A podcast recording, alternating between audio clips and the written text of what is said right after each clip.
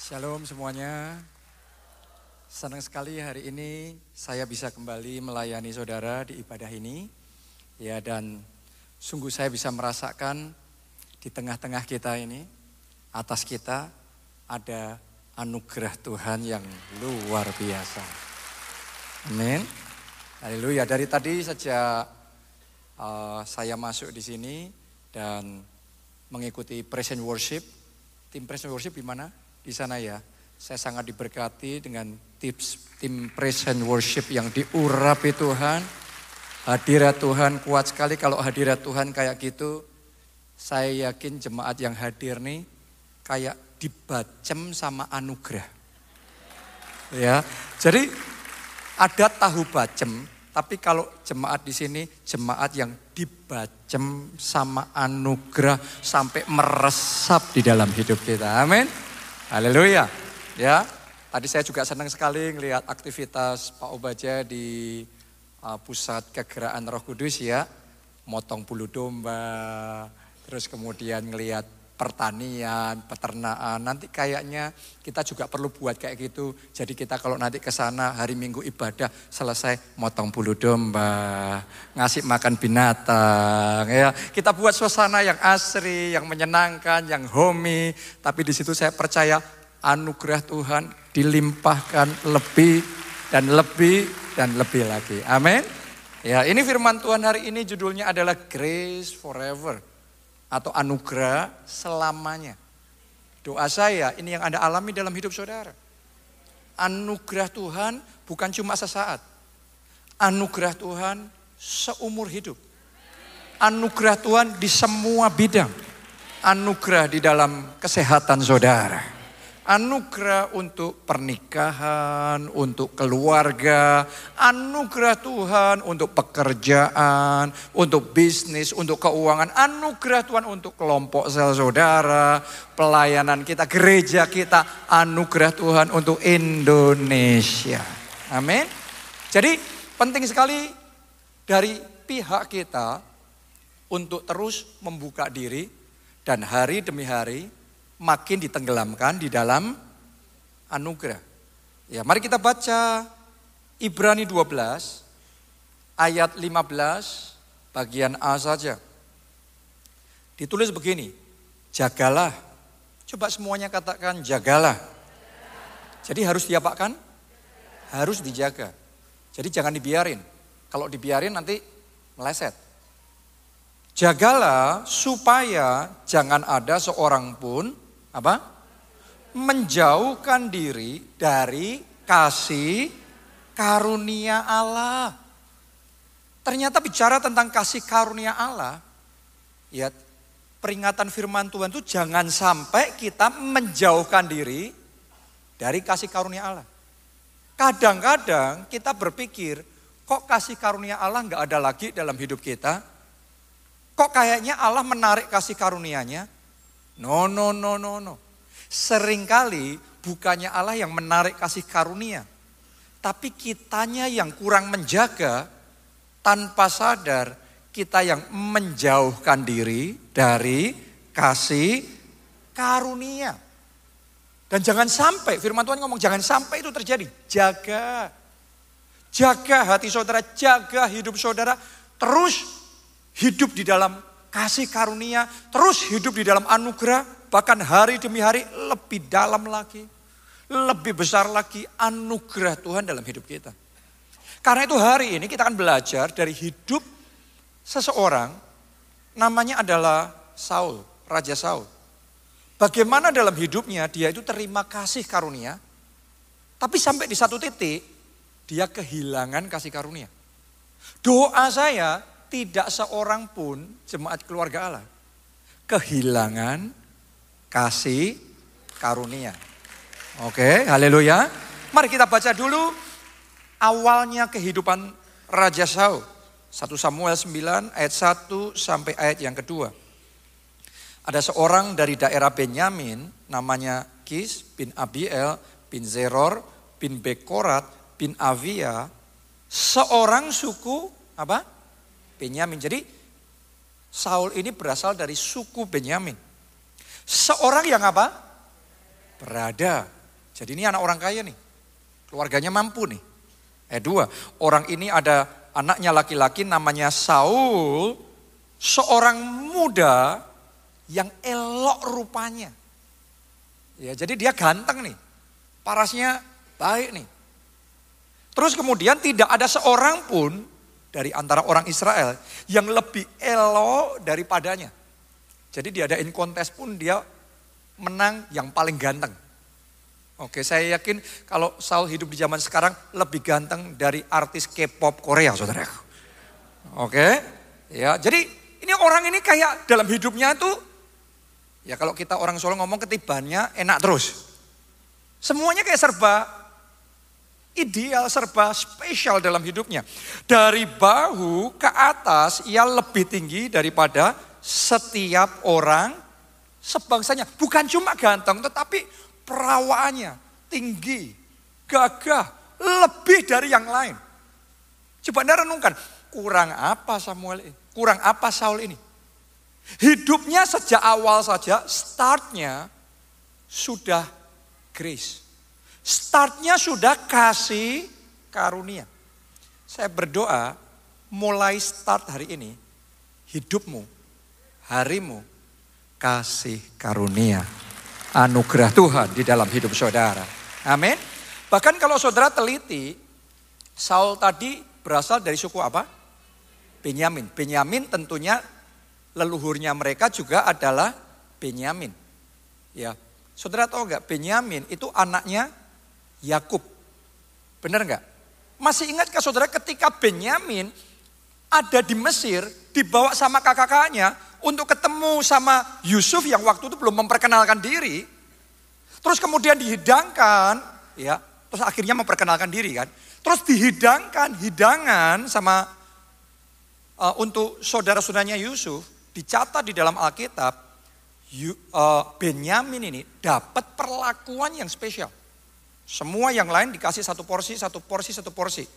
Tapi dicatat Benyamin dapat lima kali lipat lebih banyak dari saudara-saudaranya yang lain. Coba anda renungkan begini, kalau saudara punya saudara, ya saudara punya saudara. saudara punya saudara, yang lainnya dapat satu, satu-satu harusnya adilnya satu juga. Tapi khusus buat Benyamin, dia dapat lima kali lipat. Apa itu? Itu bagian dari anugerah. Jadi Saul ini berasal dari pucuknya sana, itu sudah anugerah. Benyamin leluhurnya anugerah. Terus suku Benyamin sendiri juga suku yang kuat, penuh dengan anugerah. Bahkan ketika berbuat salah pun dan hampir hancur pun, tapi kemudian Tuhan selamatkan mereka sehingga mereka bisa bangkit lagi. Sehingga bahkan menjadi suku yang besar dan suku yang kuat. Bahkan raja pertama dari bangsa Israel itu dipilih dari sukunya mereka. Coba anda renungkan itu. Kalau tadinya orang sudah hampir bangkrut, hampir habis, malah sudah habis. Tapi kemudian diangkat, terus kemudian diberkati, dikokohkan oleh Tuhan. Apakah itu tidak yang kita sebut dengan anugerah, kasih karunia? Bahkan sementara saya ngomong begini, saya percaya dan saya berdoa, ada orang di tempat ini sedang alami struggle, pergumulan berat dalam hidup saudara, anda mungkin habis, tapi anugerah Tuhan hari ini akan membangkitkan, memulihkan, dan mengokohkan kembali hidup saudara. Amin. Jadi Saul ini benar-benar dalam hidupnya penuh dengan anugerah. Ketika dia lahir, dia sudah lahir dengan semua yang serba sempurna, serba spesial. Dia dipilih jadi raja. Tadinya dia belum dianggap siapa-siapa, tapi kemudian dia dipromosikan, dia jadi raja atas seluruh bangsa Israel. Isinya tuh kalau cerita tentang hidupnya, kalau kita ketemu sama dia, isinya cuma anugerah, kasih karunia, anugerah lagi, kasih karunia. Orang lain mungkin membandingkan diri sama Saul, kayaknya kita ngiri banget deh. Kok kayaknya orang ini hidup di dalam kelimpahan, kasih karunia. Tapi sayangnya begini, sampai di satu titik dalam hidupnya, Saul kehilangan kasih karunia. Saul kehilangan perkenanan Tuhan, terus akhirnya Saul ditolak oleh Tuhan sebagai raja, dan pada akhirnya Saul ini kalah di medan perang, matinya sangat menyedihkan. Kehilangan kasih karunia. Nah, pertanyaannya sekarang, kenapa kok Saul bisa kehilangan kasih karunia? Kita akan belajar ya. Jagalah jangan sampai kita kehilangan. Tanpa sadar menjauhi kasih karunia. Ya, hati-hati. Karena Saul pasti nggak mau nggak berpikir aku mau menjauhkan diri dari kasih karunia. Dia ini nggak sadar. Jangan sampai kita juga nggak sadar, tanpa sadar menjauhkan diri dari kasih karunia. Hari ini buka hati saudara, lebar-lebar, dan saya percaya firman Tuhan hari ini akan menyelamatkan kita. Bahkan buat saudara yang merasa dalam hidup saudara kayaknya masih jauh dari kasih karunia, kering dari kasih karunia, saya yakin melalui firman Tuhan hari ini, Anda akan terima anugerah dan kasih karunia yang daripada Tuhan.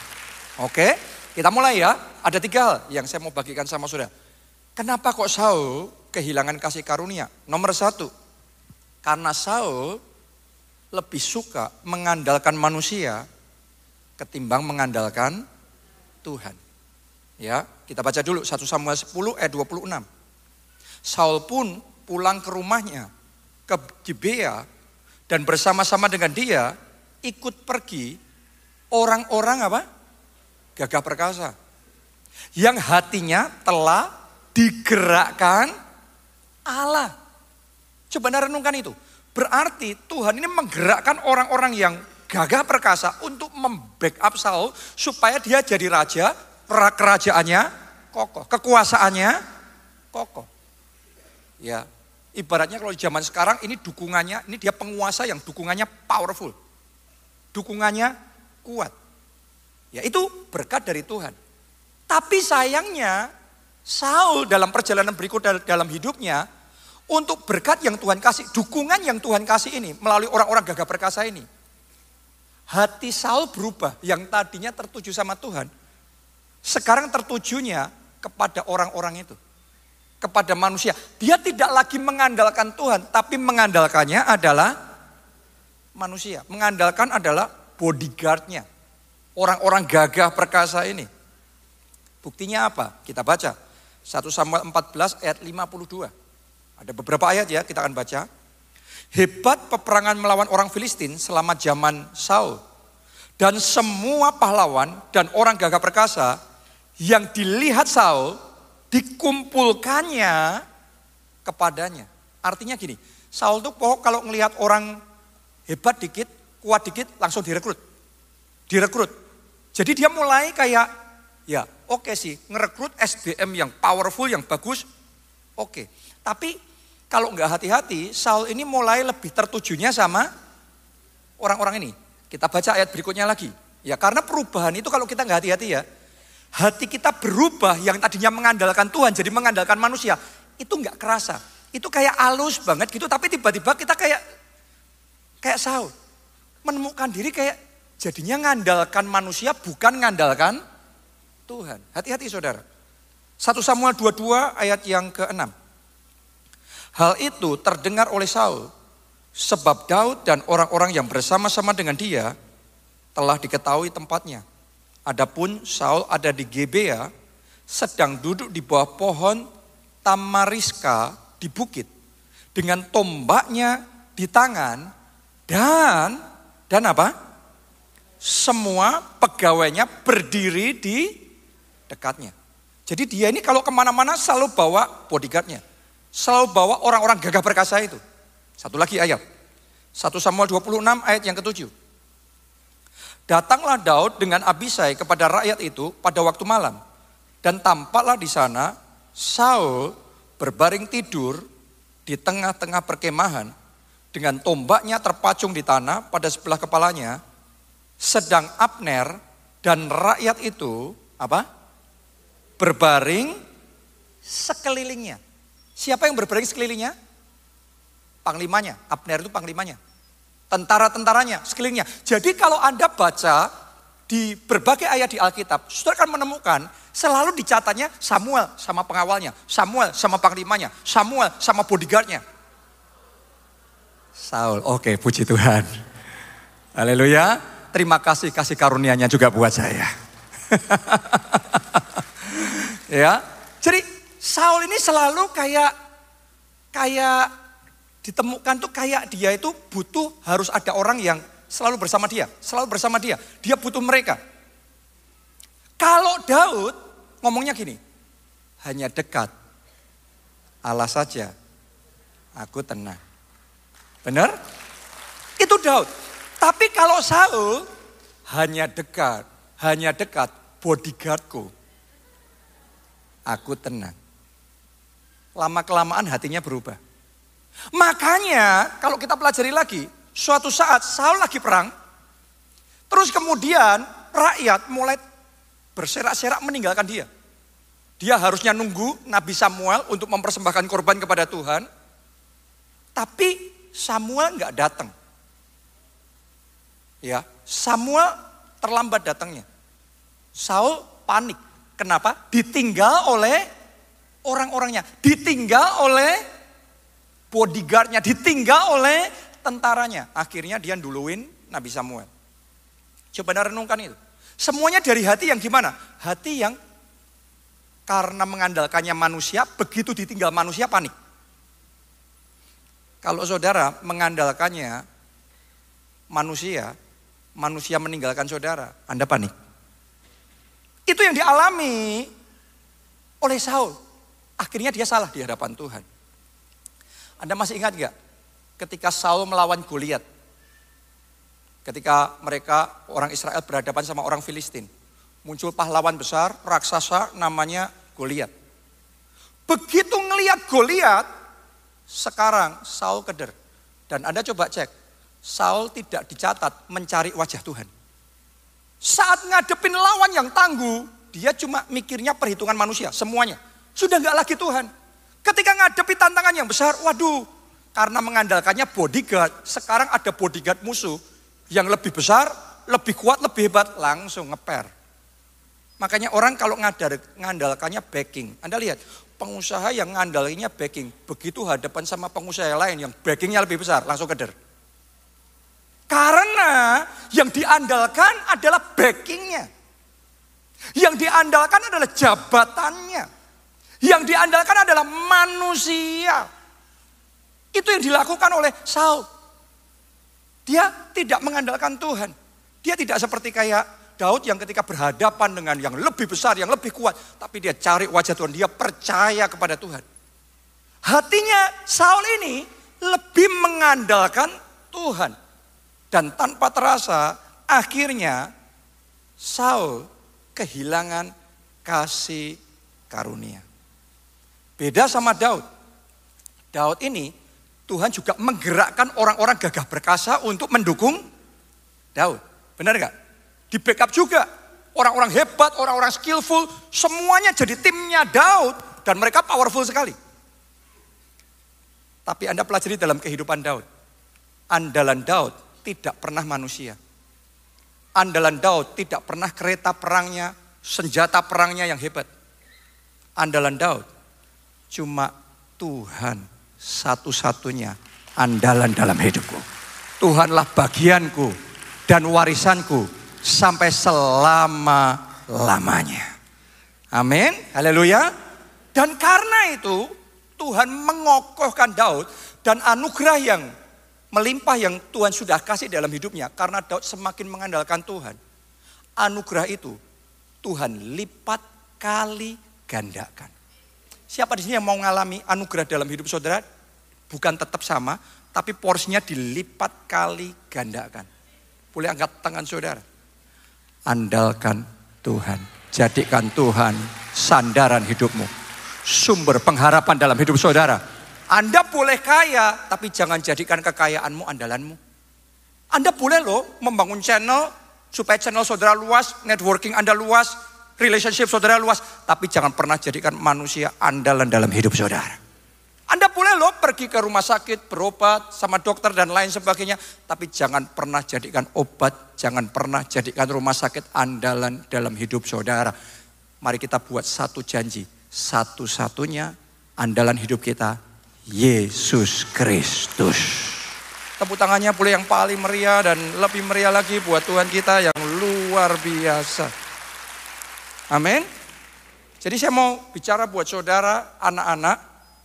Memang Tuhan pakai orang tua saudara untuk memelihara saudara. Tapi sadari, orang tua saudara terbatas. Mengandalkannya bukan orang tua. Harus mengasihi orang tua, harus memperlakukan mereka dengan hormat dan baik. Tapi andalan dalam hidupmu hanya Yesus. Haleluya. Anda yang bekerja di satu perusahaan, benar Tuhan pakai bos saudara, perusahaan di mana engkau bekerja untuk memberkati saudara. Tapi jangan jadikan perusahaan di mana engkau bekerja, bos saudara itu sebagai andalan saudara. Pengharapan kita harus sama Tuhan. Alkitab mau kalau kita berharap sama manusia, terkutuklah orang yang mengandalkan manusia. Tapi diberkati, itu sudah kayak dideklarasikan, Tuhan itu mendeklarasikan, diberkati orang yang mengandalkan Tuhan. Jadi kalau hari ini engkau ambil keputusan dalam hidupmu, yang engkau andalkan, Tuhan langsung dari surga, yang dideklarasikan untuk hidupmu. Blessing, berkat, anugerah, kasih karunia, datang di dalam kehidupan saudara. Amin. Anda kalau mengandalkan manusia pada akhirnya akan kecewa. Tapi pengharapan akan Allah tidak pernah mengecewakan kita. Oke, saya pernah mendengar kesaksian Pastor Adeboye. Dia ngomong begini, Tuhan tidak pernah memakai orang yang sama dalam hidupnya. Ini pengalamannya dia ya, umurnya sudah 80 tahun. Tuhan pakai dia luar biasa.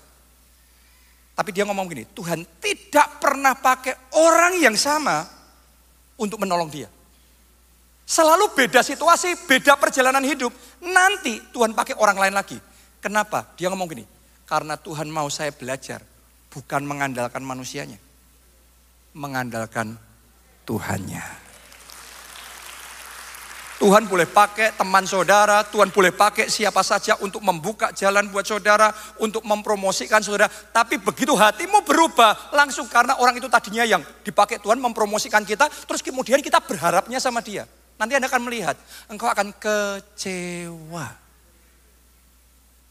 Orang itu dulu dipakai Tuhan untuk mempromosikan saudara, Anda harus berterima kasih. Oke, tapi andalan dalam hidup kita tidak boleh berubah. Hanya satu, Tuhan kita selamanya dia andalan dalam hidup kita. Saya belajar juga di dalam perjalanan saya, dalam pelayanan. Waktu itu Pak Obaja mengutus saya untuk memulai kembali gereja kita di Jakarta yang sudah tutup. Ya, karena Pak Obaja kepingin ya gereja kita di Jakarta dibuka lagi dan maju lagi pada waktu itu. Ya sudah saya berangkat ke Jakarta, kita memulai gereja kita di Jakarta. Nah, karena saya dari Solo tadinya diutus Pak Obaja ke Jogja dan di Jogja gereja kita sudah cukup mulai maju dan berkembang. Kita punya tim yang kuat di sana. Kita punya orang-orang yang luar biasa yang buat saya wah ini orang-orang yang hebat, orang-orang yang loyal, orang-orang yang luar biasa. Dan banyak dari mereka orang Jogja itu pindahnya ke Jakarta. Secara alami, saya itu berharap bahwa orang-orang itu yang akan bersama-sama dengan saya untuk membangun kembali gereja kita di Jakarta. Tapi saya perlu cerita begini, perlu ngomong begini sama saudara. Kalau Tuhan pakai mereka untuk membangun pelayanan kita, gereja kita di Jogja, terus kita berharap mereka di Jakarta, Tuhan juga pakai mereka. Kalau kita pengharapannya adalah sama manusia, kita akan kecewa kecewa. Saya dikecewakan, saya saya saya berharap sama si A, saya berharap sama si B, saya berharap sama si C, tapi satu persatu ninggalin semua. Ninggalin semua. Dan secara manusia kayak jadinya kita berjuang sendiri. Makanya manusia itu mengecewakan. Ya, kita juga nggak bisa menyalahkan mereka. Mereka juga punya rencana sendiri, mereka punya pemikiran sendiri dan lain sebagainya. Tapi kitanya kalau mengandalkannya, berharapnya adalah manusia, kita harus ngerti. Akhirnya ke kecewa. Di situ saya diajarin Tuhan. Jangan pernah mengandalkan manusia. kalau berharap hanya Tuhan. Dan di situ saya mulai berseru sama Tuhan. Saya mulai berharap seolah-olah kayak berjuang sendiri. Ya, tapi tidak sendiri. Kalau kita sendiri sama Tuhan, kita mayoritas. Asal bersama dengan Tuhan. Amin, haleluya. Walaupun kayaknya si A, si B, si C kayaknya nggak ada semuanya. Orang-orang yang saya harapkan kayaknya meninggalkan semuanya. Tapi saya tahu, saya bersama Tuhan. Karena saya mengandalkan Tuhan. Dan dengan caranya yang ajaib, Tuhan mulai mengirimkan. ABC nggak ada, dikirimkan D, E, F, G, H, I, J, K, L, M, N.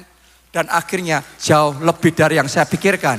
Dan bayangkan, Tuhan kerjakan dalam hidup saya. Pas saya ngomong begini, tiba-tiba roh kudus taruh di hati saya, ada di sini yang sedang berharap sama seseorang ngasih uang sama saudara.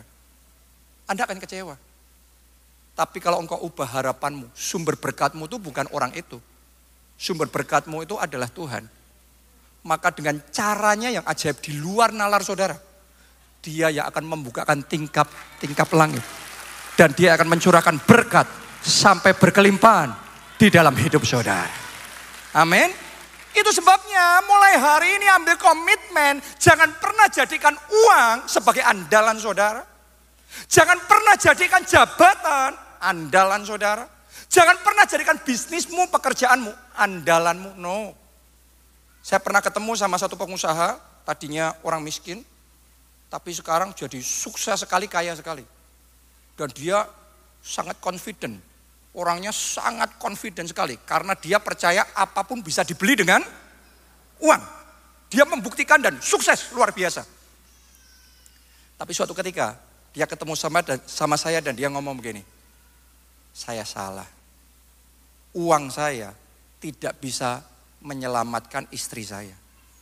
Rupanya dia punya istri, dia sangat sayang. Tapi istrinya sakit. Dia pakai uangnya untuk ngasih pengobatan terbaik di seluruh dunia. Tidak berdaya. Uangnya mengkhianati dia. Uang yang dia jadikan andalan tidak berdaya juga. Hari ini saya mau ngomong sama saudara, tidak uang, tidak manusia, tidak jabatan, tidak apa pun. Satu-satunya yang kita andalkan, Yesus Kristus Tuhan kita. Jadikan dia andalan dalam hidup saudara. Maka engkau akan melihat bagaimana anugerahnya dilipat gandakan. Anugerahnya melimpah-limpah di dalam hidupmu. Mari kita kasih tepuk tangan sekali lagi buat Tuhan kita yang paling luar biasa. Lurusin ya, hati kita lurusin ya. Mulai sekarang hati dilurusin. Jangan lagi berharap sama manusia. Anda berusaha boleh. Tapi hati ini tetap sama Tuhan. Anda minum obat silahkan. Tapi harus andalannya adalah Tuhan. Anda membangun hubungan, Anda minta tolong orang lain, oke Tuhan pakai manusia juga. Tapi hati kita, iman kita, pengharapan kita. Only Jesus. Hanya Yesus. Mari sekali lagi tepuk tangan yang paling meriah buat Tuhan kita. Yang kedua, kenapa kok Saul bisa kehilangan kasih karunia dalam hidupnya? Yang kedua, karena Saul tidak menjaga hati. Jadi tadi yang pertama Saul kehilangan kasih karunia karena dia mengandalkan manusia. Manusia yang dikirim sama Tuhan, bukannya dia bersyukur dan tetap mengandalkan Tuhan, malah dia jadi ngandalnya manusia. Makanya Alkitab ngomong, kalau hartamu makin bertambah, janganlah hatimu melekat kepadanya. Melekatnya hati hanya sama Yesus. Tetap sama Tuhan. Yang kedua, orang kehilangan kasih karunia. Kalau tidak jaga hati. Jaga hati dengan apa? Kecewa. Pahit hati. Tahukah saudara, semuanya itu akan mengeringkan kasih karunia dan anugerah dalam hidup kita. Mari kita baca pengalamannya Saul ini 1 Samuel 18 ayat 6 sampai 10. Tetapi pada waktu mereka pulang, ketika Daud kembali sesudah mengalahkan orang Filistin itu, keluarlah orang-orang perempuan dari segala kota Israel menyongsong Raja Saul sambil menyanyi dan menari-nari dengan memukul rebana, dengan bersukaria dan dengan membunyikan gerincing. Dan perempuan yang menari-nari itu menyanyi berbalas-balasan. Katanya, Saul mengalahkan beribu-ribu musuh. Tetapi Daud berlaksa-laksa. Berlaksa-laksa itu artinya puluhan ribu. Oke. Anda perhatikan. Situasinya kan kayak gitu kan. Itu sesuatu yang di luar kendalinya Saul. Wong tiba-tiba spontan orang-orang nyanyi kayak gitu kok. Kan nggak bisa disetting sama Saul. Tapi ngelihat kayak gitu, kena hatinya. Coba sudah lihat ya. Mari kita perhatikan ayat berikutnya. Delapan. Lalu bangkitlah apa? Amarah Saul. Siapa yang dalam seminggu ini amarahnya bangkit meledak? Hati-hati saudaraku, hati-hati. Bangkitlah amarah Saul dengan sangat. Dan perkataan itu apa? Menyebalkan hatinya. Siapa yang di tempat ini lagi sebel banget? sebel sama KKS saudara. Siapa yang lagi sebel sama istri? Gemes banget, jengkelin banget dia ngomongnya kayak gitu. Sebel sama atasan di tempat kerja saudara atau sebel sama Pak Obaja.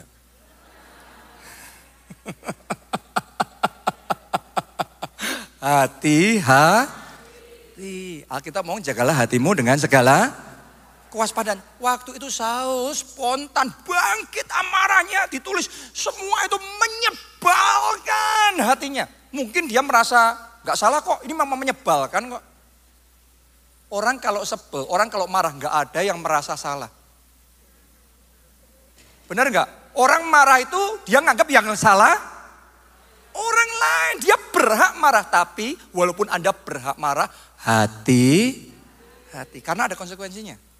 Marah, sebal. Lanjutin lagi. Sebab pikirnya kepada Daud diperhitungkan mereka berlaksa-laksa. Tetapi kepadaku diperhitungkannya beribu-ribu. Akhir-akhirnya jabatan raja itu pun jatuh kepadanya. Dia jadi dengki. Dia jadi iri. Ayat 9. Sejak hari itu, maka Saul selalu apa? Mendengki Daud. Coba Anda lihat ke depan sini. Tadi yang dicatat emosinya di hatinya Saul gimana tadi? Marah, sebel, jengkel, iri, bahasa Prancisnya kemropok. Dengki, hati-hati. Mari kita lihat, begitu Raja Saul kayak gitu, buka celah, gak jaga hati, kena di hatinya. Mari lihat apa yang terjadi ayat berikutnya. Ayat 10. Keesokan harinya. Apa? Roh jahat yang daripada Allah itu berkuasa atas Saul. Sehingga ia kerasukan di tengah-tengah rumah. Sedang Daud main kecapi seperti sehari-hari. Adapun Saul ada tombak di tangannya. Kalau Anda baca ayat berikutnya, setelah itu dia lempar tombak itu untuk bunuh Daud. Gara-gara marah, sebel, iri, jengkel, kemeropok, dengki. Keesokan harinya, kerasuan roh jahat. Coba renungkan. Makanya nggak heran, anugerah dan kasih karunia Tuhan jadi kering dalam hidupnya. Saya sudah mengamati ini berulang-ulang. Saya ketemu sama orang-orang yang doa puasanya kuat, disiplin rohaninya powerful, tapi kalau di hatinya isinya jengkel, kemeropok, iri, benci, marah, urapannya kering. Anugerah dan kasih karunia Tuhan dalam hidupnya kering. Itu rumus gak pernah bisa tidak. Selalu kayak gitu. Akhirnya terpotong kehilangan yang namanya anugerah dan kasih karunia. Rugi sendiri. Saul akhir hidupnya dia kehilangan perkenanan Tuhan, dia kehilangan jabatan raja, dia kehilangan kegemilangannya, dia berakhir menyedihkan. Tidak seorang pun di tempat ini berakhir menyedihkan. Saya berdoa finalnya hidup saudara. Kemuliaan. Karena itu jagalah hatimu dengan segala kewaspadaan. Oke, termasuk saudara kalau ketemu sama orang yang lagi marah, sebel, jengkel, dengki. Hati-hati. Saya sendiri kalau ketemu gitu rada hati-hati. Kenapa? Karena itu menular loh. Jadi yang pandemi itu bukan pandemi COVID saja. Pandemi itu bisa pandemi marah. Saudara ketemu sama orang marah tentang sesuatu, dengerin omongannya dia, kita nggak ada apa-apa, juga bisa ikut marah. Dia kecewa, kita dengerin orang ngomel-ngomong kekecewaannya. Tiba-tiba hati kita nggak ada masalah tadinya, tiba-tiba jadi kecewa, sebel, jengkel. Hati-hati karena semuanya itu akan mengeringkan anugerah Tuhan dalam hidup kita. Jaga hati dengan segala kewaspadaan. Walaupun saudara merasa diperlakukan tidak adil. Walaupun saudara merasa dibeda-bedakan oleh orang tuamu. Walaupun saudara merasa ada saingan yang muncul sehingga saudara merasa kalah angin. Walaupun saudara merasa orang itu keterlaluan.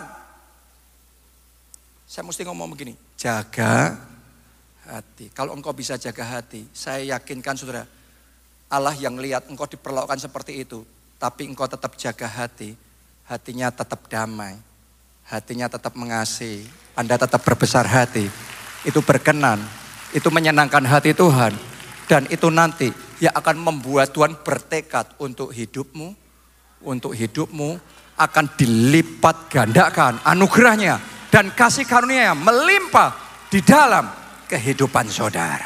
Haleluya. Bukankah itu yang jadi teladan Tuhan Yesus berikan sama kita?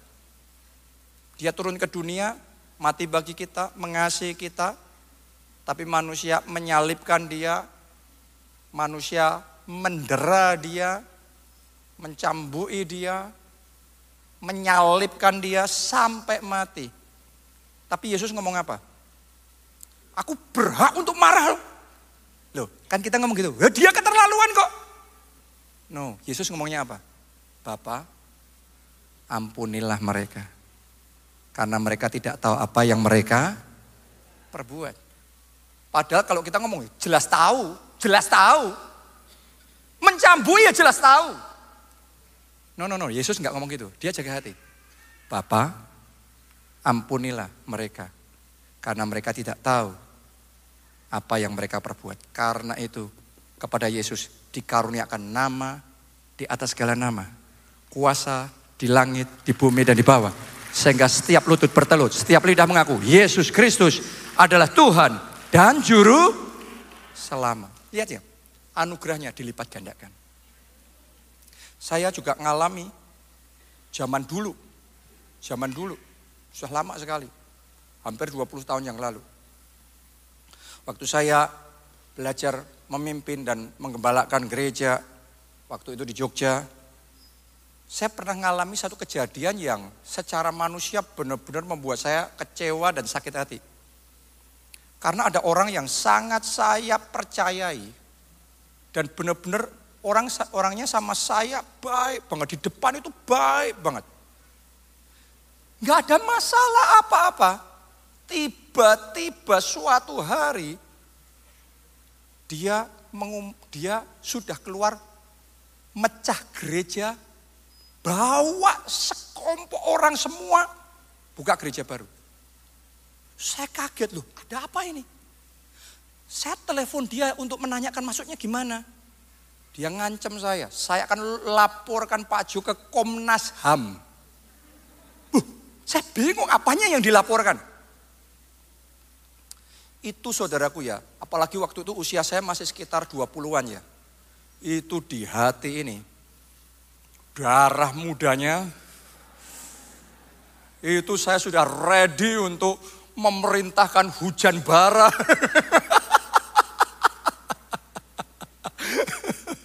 ya itu kayak sudah ready untuk balas dendam, hajar balik dengan pukulan yang powerful. Karena saya benar-benar marah besar. Tapi sebelum saya melakukan itu, karena saya sudah siapkan semua untuk balas dia, untuk hajar balik dia. Sebelum saya melakukan itu, saya ngobrol sama satu hamba Tuhan yang waktu itu datang melayani di gereja kita. Saya sharing pengalaman itu. Terus dia nasihatin saya gini, Jonathan, kamu lihat Daud. Waktu Daud waktu Daud punya kerinduan membangun bait Allah. Tuhan ngomong no, yang bangun bukan kamu tapi anakmu, Salomo. Kenapa? Karena tangannya berlumuran darah. Terus dia ngomong gini sama saya. Kalau kamu balas dendam, tanganmu berlumuran darah. Tanganmu nggak diberkati. Untuk membangun gereja, untuk menggembalakan gereja. Jaga hati. Saya sadar saudaraku, itu kayak sesuatu yang perkataan dipakai Tuhan menyadarkan saya dan saat itu juga saya minta ampun sama Tuhan, Tuhan ampuni saya Tuhan, ampuni saya marah, saya sebel seperti Saul tadi, saya jengkel. Saya minta ampun sama Tuhan dan saya ambil keputusan mengampuni. Dan ketika saya ambil keputusan mengampuni, ada kelegaan dalam hati, ada damai dalam hati, jadi ringan. Ya sudahlah diserahin sama Tuhan. Ya. Dan sejak saat itu, sudah hampir 20 tahun sampai hari ini, tangan ini tetap diberkati oleh Tuhan apa yang dikerjakannya dibuat Tuhan berhasil. Ada anugerah dan ada kasih karunia. Anda boleh merasa berhak balas dendam, Anda boleh merasa jengkel dan marah karena orang itu memang keterlaluan. Benar Anda yang diperlakukan tidak adil, benar janjinya diingkari, tapi tetap jaga hati Jangan izinkan kecewa, pahit hati, sebel, kemronggo, marah, apa pun namanya menguasai hati saudara karena itu akan mengeringkan anugerah Tuhan dalam hidupmu. Mulai hari ini ambil keputusan mengampuni, ambil keputusan menyerahkan itu kepada Tuhan dan lihatlah bagaimana tanganmu akan diberkati atas hidupmu ada anugerah dan kasih karunia-Nya yang melimpah dalam hidup saudara. Amin. Jadi hati-hati. Karena saya sudah melihat ada orang-orang yang diangkat Tuhan begitu rupa seperti Saul. Anugerah Tuhan dalam hidupnya besar. Tapi setelah itu dalam perjalanan, namanya perjalanan hidup. Pasti ngalami dikianati, pasti ngalami dikecewakan, pasti ngalami begini begitu. Tapi nggak jaga hati, terus hatinya mulai kecewa, hatinya sebel, isinya marah. Hati-hati kalau itu yang perasaan yang dominan muncul di hati saudara. Hati-hati karena tanpa sadar, tiba-tiba nanti engkau akan mendapati hidupmu sudah kering dari anugerah. Hari ini beresin di hadapan Tuhan ya. Nanti kita doa, kita beresin di hadapan Tuhan. Supaya kekecewaan diganti kelegaan, diganti pengampunan, diganti damai, diganti sukacita. Haleluya. Dan yang terakhir, mau anugerah Tuhan melimpah dalam hidup saudara? Dengan level anugerah yang ada atas hidup kita sekarang. Karena anugerah setiap orang itu ada takarannya. Sekecil apa takaran anugerah Tuhan dalam hidupmu saat ini. Belajar, bagikan anugerah itu kepada orang lain. Anda harus ngerti gini, anugerah itu beda sama uang. Ya, saudara, kalau cuma uang, kita dapat satu juta, terus kasihkan satu juta sama yang lain, berarti satu juta dikurangi satu juta, nol habis. Tapi kalau itu anugerah, anugerah itu kalau semakin dibagikan, semakin dia berlimpah. Karena anugerah itu dari Tuhan. Dan Tuhan itu tidak terbatas. Cara melipat gandakan anugerah paling cepat adalah mengestafetkan anugerah. Makanya diberkati. Jadi berkat, jadi berkat, jadi berkat, jadi berkat. Maka berlimpah anugerahnya. Diselamatkan Terus kita menyelamatkan, menyelamatkan, menyelamatkan, menyelamatkan. Maka berlimpah anugerah Tuhan dalam hidupmu. Belajar estafetkan anugerah Tuhan. Dan lihat anugerahnya dilipat gandakan dalam hidup saudara. Anda mau? Siapa mau? Terima blessing itu di dalam kehidupan saudara. Mari kita pakai berdiri. Satu-satunya Satu-satunya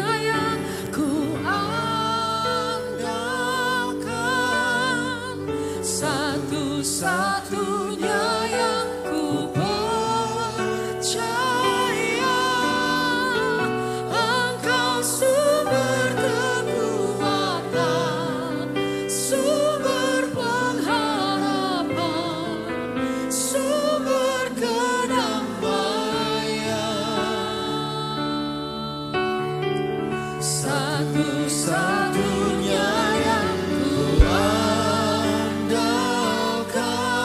Katakan Tuhan, Engkau andalanku, Engkau kepercayaanku. Engkau Tuhan memberkati, Tuhan penyembuh, Tuhan pemulihku. Mari angkat dua tangan, angkat dua tangan, katakan bersama-sama. Satu-satunya yang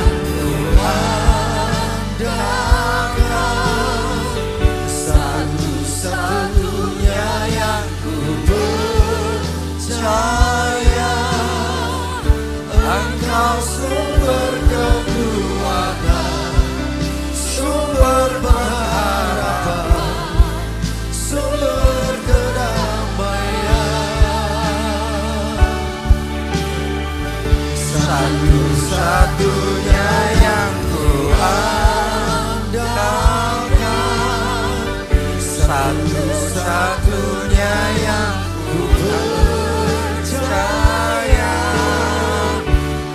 Engkau Tuhan memberkati, Tuhan penyembuh Tuhan pemulih Sekali lagi, saya rasakan nyanyikan ini dengan kuat dari hati. Katakan satu-satunya yang ku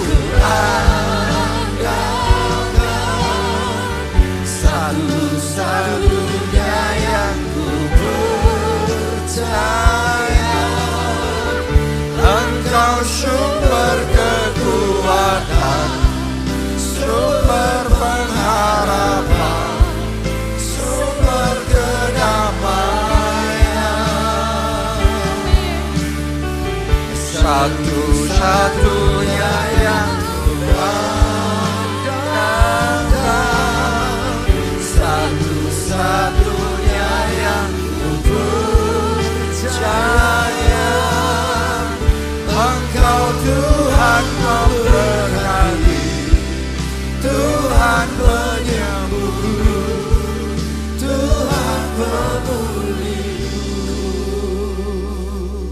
kita nyanyikan lagu ini, saya rasakan Roh Kudus taruh di hati saya. Ada di tempat ini orang yang sedang menghadapi satu tantangan besar dengan orang yang jauh lebih powerful, lebih berkuasa dari saudara. Secara manusia engkau pasti kalah, secara manusia Anda sudah ngerti, Anda tidak berdaya. Tapi hari ini Tuhan mau ngomong sama saudara, belajar, berharap hanya sama Tuhan. Karena Tuhan yang engkau sembah, He's more powerful than the most powerful. Dia lebih berkuasa dari yang paling berkuasa. He's the King of Kings. Itu bukan cuma julukan kosong. Dia itu Raja Surga. Nebukadnezar dengan segala kemegahannya waktu itu dia raja paling berkuasa di bumi. Tetapi dia ditekuk oleh Tuhan untuk mengakui hanya ada satu raja penguasa segalanya. Dialah raja surga. Allah di atas segala Allah. Tuhan di atas segala Tuhan. Dan sekarang Tuhan mau ngomong sama saudara. Saat engkau menghadapi situasi yang seperti itu.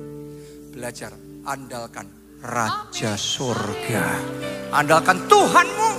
Andalkan Allahmu. Ini waktunya Anda mempraktekkan iman. Mempraktekkan iman itu bukan cuma pada saat keadaan baik. Tapi saat engkau tidak berdaya, saat engkau secara perhitungan manusia sudah pasti kalah.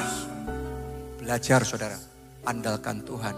Dan lihat ketika Tuhan bertindak, orang sepowerful apa pun, kalau Tuhan yang nekuk dia, dia akan bertelut. Dan akhirnya harus mengakui satu-satunya penguasa dunia ini.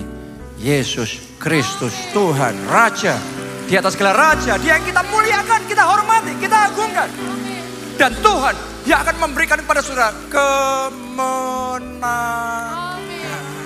Kemenangan, kemenangan. Saya deklarasikan, angkat dua tangan saudara. Kemenangan, kemenangan. Semuanya katakan dalam nama Yesus. Kemenangan, dalam nama Yesus. Kemenangan, kemenangan. Dalam nama Yesus, kemenangan terjadi. Kesembuhan terjadi. Kelepasan terjadi.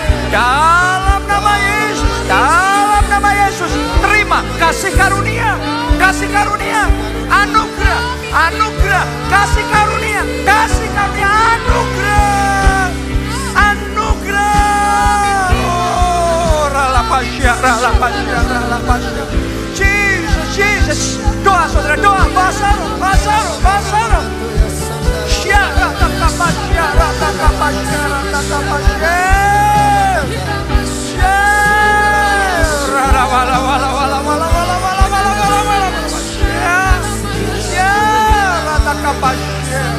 takapasya, ratakapasya,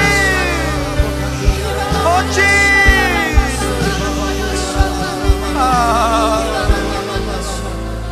Saat kita menyembah ini lagi, Roh Kudus taruh lagi di hati saya. Ada di tempat ini, saudara, Tuhan mau kasih warning, kasih pesan, karena saudara terpaku sama cara Tuhan bekerja di masa lalu. Tuhan pakai cara itu untuk membuka jalan buat saudara. Terus Anda mau ulangi cara yang sama berulang-ulang lagi, tapi nggak kebuka-buka jalannya. Dalam hidupmu kayak ketutup semua. Hari ini Tuhan ngomong, yang penting itu bukan caranya, metodenya, formulanya. Yang penting Tuhan. I am the way. Akulah jalan, kebenaran dan hidup. Dia itu jalannya. Kalau saudara dapat source-nya, Anda dapat sumbernya. Dia punya seribu satu jalan. Sejut- Sejuta satu jalan. Untuk memberkati hidup saudara. Jadi jangan andalkan metodenya, andalkan Tuhanmu. Siapa yang mau mengandalkan Tuhan, katakan Tuhan, Engkau andalanku, Engkau segalanya, Engkau pengharapan, satu-satunya dalam hidupku. Mari semuanya berdoa, berdoa, berdoa. Engkau andalanku, Engkau pengharapanku, Engkau satu-satunya, Engkau segalanya dalam hidupku. Only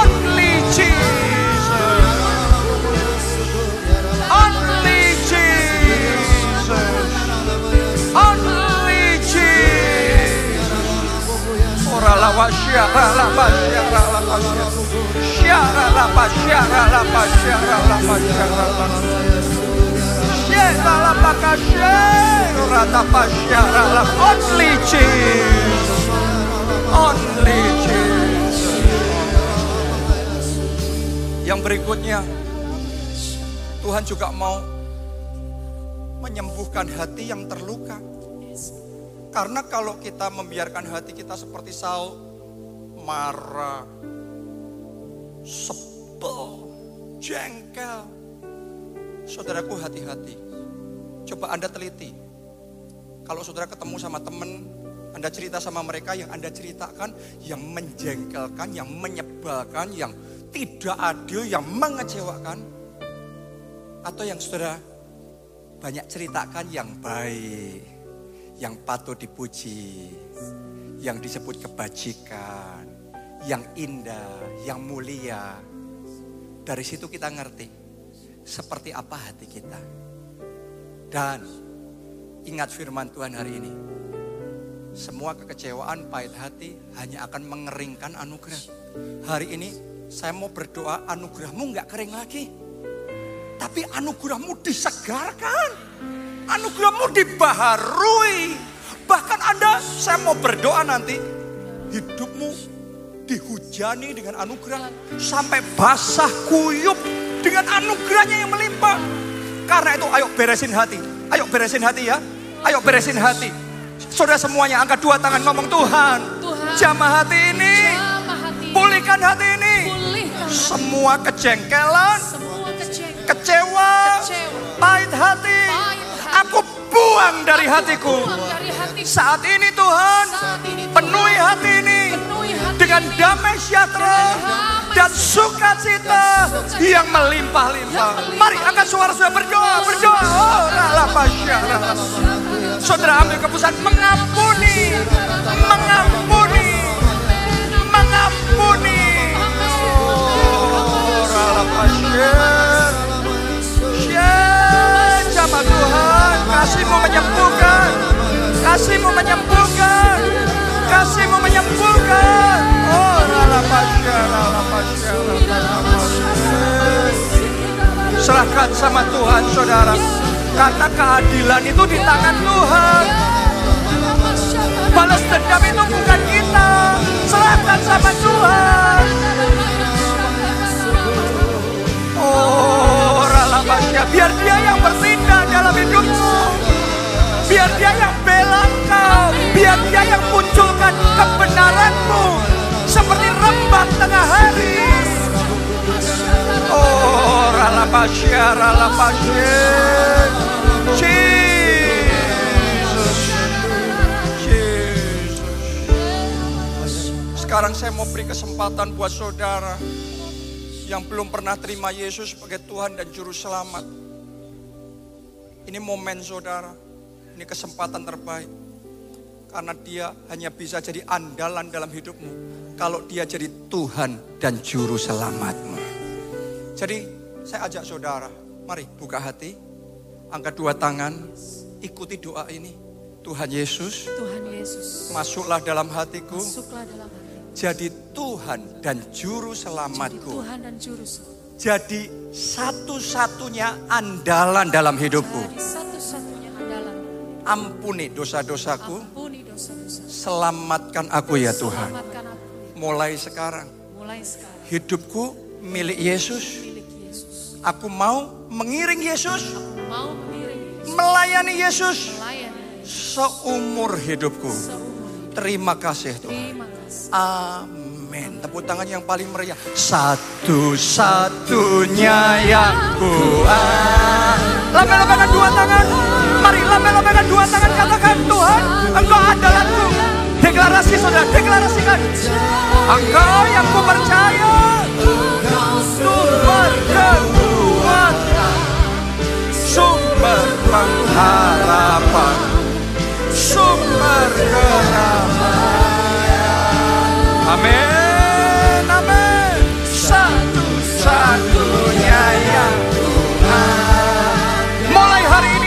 jalan sama Yesus. Mulai hari ini, Yesus jadi kekuatan. Yesus jadi pengharapan.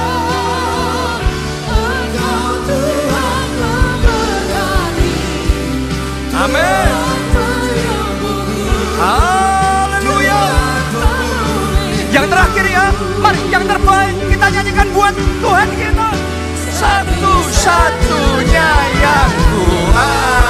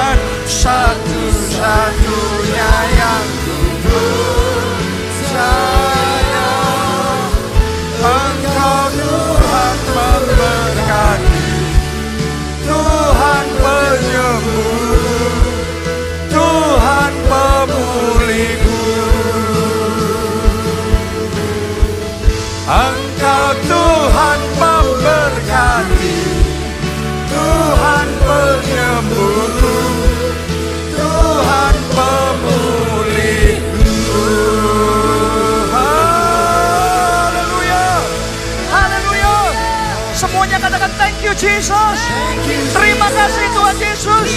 Engkau andalan kami. Engkau kekuatan kami. Engkau pengharapan kami. Angkat dua tangan saudara. Terima berkat Tuhan ini.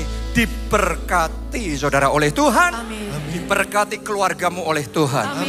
Diberkati studi dan pekerjaanmu oleh Tuhan. Diberkati kesehatan dan masa depanmu oleh Tuhan.